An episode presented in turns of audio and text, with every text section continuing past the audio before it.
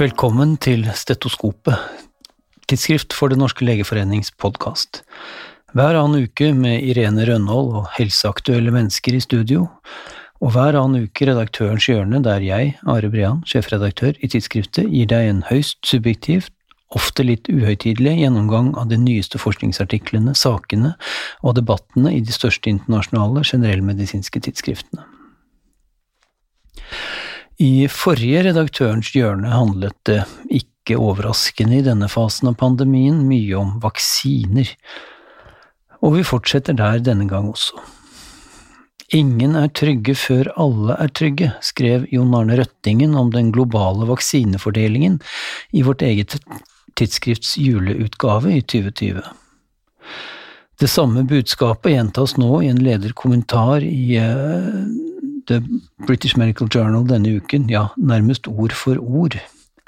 Dessuten, jo lenger viruset finnes i utbredt sirkulasjon hvor som helst i verden, jo større er sjansen for at muterte varianter med motstandskraft mot eksisterende vaksiner og behandlinger vil oppstå og spre seg, slik Alan McNally helt nylig skrev, også i BMJ. Lederkommentaren til Richard Hurley siterer beregninger utført av det uavhengige Rand Corporation, som viser at for hver tikrone rike land nå investerer i å gi vaksiner til fattige land, vil de få igjen en femtilapp i form av avkastning på høyere global produktivitet. Ikke bare humanitære årsaker til global rettferdig vaksinedeling, altså, men i høyeste grad også økonomiske. Og det er argumenter som har større sannsynlighet for å bli lyttet til der beslutninger tas, som kjent. Og apropos vaksinefordeling. I The Lancet har et møte i EU-kommisjonen i forrige uke vakt oppmerksomhet. Der innrømmet nemlig EU-kommisjonens president Ursula von der Leiden at EU har håndtert vaksineinnkjøpene altfor dårlig. Hun siteres vi var for sene med å gi autorisasjon, vi var for optimistiske med hensyn til masseproduksjon, og kanskje vi også tok for gitt at de bestilte dosene faktisk ville komme i tide, uttalte hun. EU har inngått kontrakter med seks ulike vaksineprodusenter om levering av til sammen over 1,2 milliarder vaksinedoser. Men bare tre av disse er godkjent av det europeiske legemiddelverket så langt, og vaksineringen går tregt i EU. Bare 4,4 per 100 000 innbyggere er hittil vaksinert i hele EU.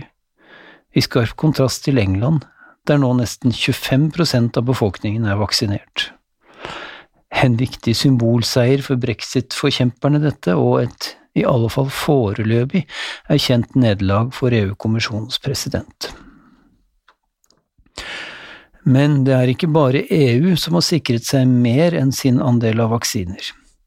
Verdens rike land har så langt karret til seg 7,5 milliarder doser av eksisterende og kommende vaksinedoser gjennom ulike avtaler, melder Yama, med blant annet en artikkel i BMJ fra desember 2020 som kilde. Det utgjør 51% av den totalt planlagte produksjonen i verden, til tross for at landene til sammen bare har 14 av verdens befolkning. Japan, Canada og Australia for eksempel, som til sammen har en befolkning på mindre enn 200 millioner, har sikret seg til sammen 1 milliard doser vaksine. På den annen side har vaksineinitiativet Covax, under ledelse av Verdens helseorganisasjon, bare greid å hale i land avtaler om 1,3 milliarder doser til fattigere land, nok til å fullvaksinere bare 20% av befolkningen i de samme landene.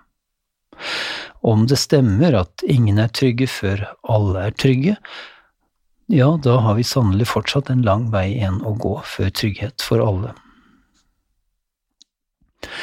Vaksinesikkerhet har vært et tilbakevendende tema helt siden de første godkjenningene, og nå begynner real world data, altså etter godkjenningsdata, å komme på akkurat dette punkt. Dette er oppsummert i en artikkel i Nature i forrige uke. Data fra det amerikanske vaksineovervåkingsorganet eh, VAERS viser at hittil rapporteres det 372 milde bivirkninger per million vaksinedoser satt av mRNA-vaksinene, altså Moderna og Pfizer-Biontech-vaksinene. Det er betydelig lavere enn det som ble rapportert i godkjenningsstudiene, som tilsa at minst 80% ville få smerte på injeksjonsstedet. Men godkjenningsstudiene bygger som kjent på grundige observasjoner av absolutt alt som kan være et problem, mens disse real world-dataene viser hva som rapporteres av helsearbeidere som vaksinerer i felt, samt spontane selvrapporterte bivirkninger, og da blir det altså betydelig lavere. Men bivirkningene ser ut til, kanskje ikke overraskende, til å være noe hyppigere i andre vaksinedose enn i første. Og i England, som begynner å få betydelige datamengder fra AstraZeneca-vaksinen, rapporteres det omtrent 4000 bivirkningstilfeller per million vaksinedoser. Altså noe høyere enn for mRNA-vaksinene, men allikevel også lavere enn i godkjenningsstudiene for AstraZeneca-vaksinen. Dødsfall etter vaksinering har forekommet, også som kjent i Norge. Men det er jo hovedsakelig eldre pasienter og risikopasienter som har blitt vaksinert, og det er svært vanskelig å påvise noen eventuell sammenheng med vaksinen i seg selv. Og noen overdødelighet kan uansett ikke påvises i de aktuelle gruppene, så sannsynligheten for direkte sammenheng mellom dødsfall og vaksine er fortsatt svært liten. Fra vaksine til behandling av covid-pasienter. Nå foreligger resultatene fra den hittil største randomiserte kliniske studien av høydose vitamin D i pasienter med moderat til alvorlig covid-19, publisert i Yama i forrige uke. Én dose med 200 000 IU vitamin D3 ble gitt til 120 sykehusinnlagte pasienter med covid-19, mens 120 ble randomisert til placebo. Vitamin D3 reduserte verken antall døgn sykehusinnleggelse, dødelighet, grad av intensivbehandling eller grad av respiratorbruk sammenlignet med placebo. Skuffende resultater, altså. Men som en ledsagende lederartikkel i Yama observerer, Studien hadde for liten power, altså for få antall deltakere, til å kunne gi endelige svar. Dessuten var pasienter som allerede lå på respirator eller var i annen intensivbehandling, ekskludert fra studien, slik at resultatene ikke kan ekstrapoleres til gruppen med svært alvorlig syke.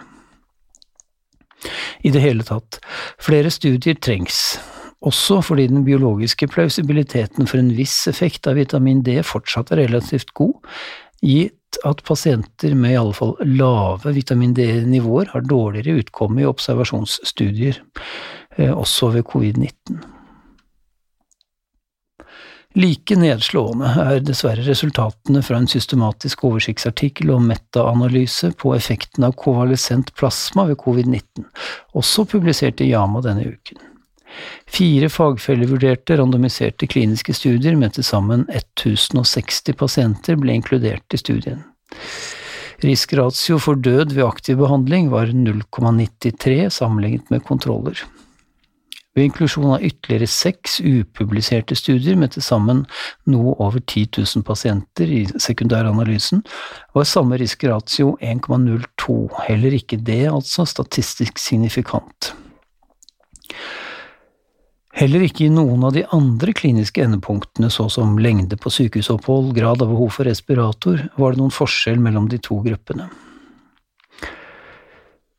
Interessant nok, til tross for at FDA i USA godkjente behandling med konvalesent plasma allerede i august 2020, og over 100 000 pasienter i USA siden har fått slik behandling, var ingen av de inkluderte studiene utført i USA.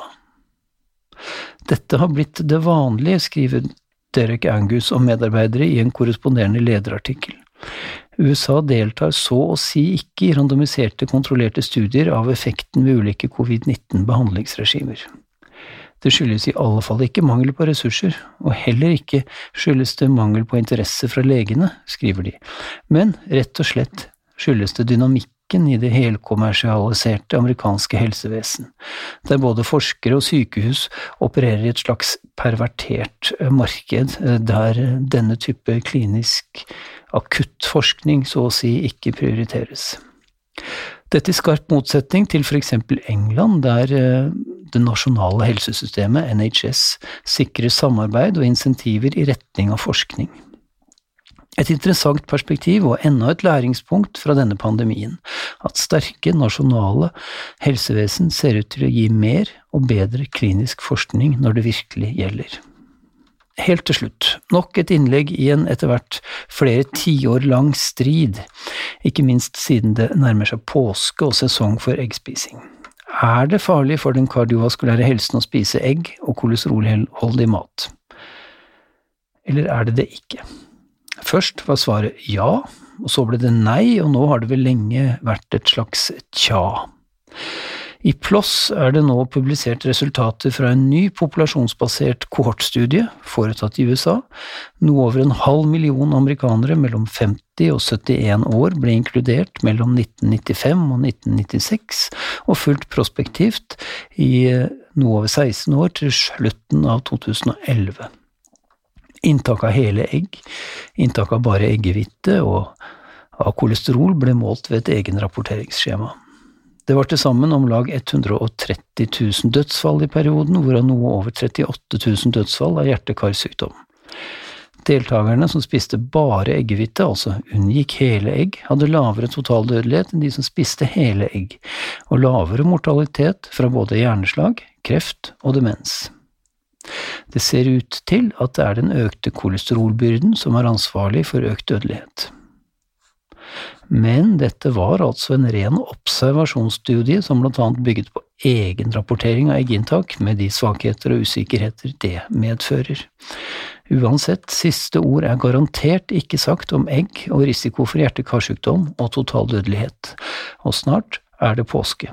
Vi høres neste gang.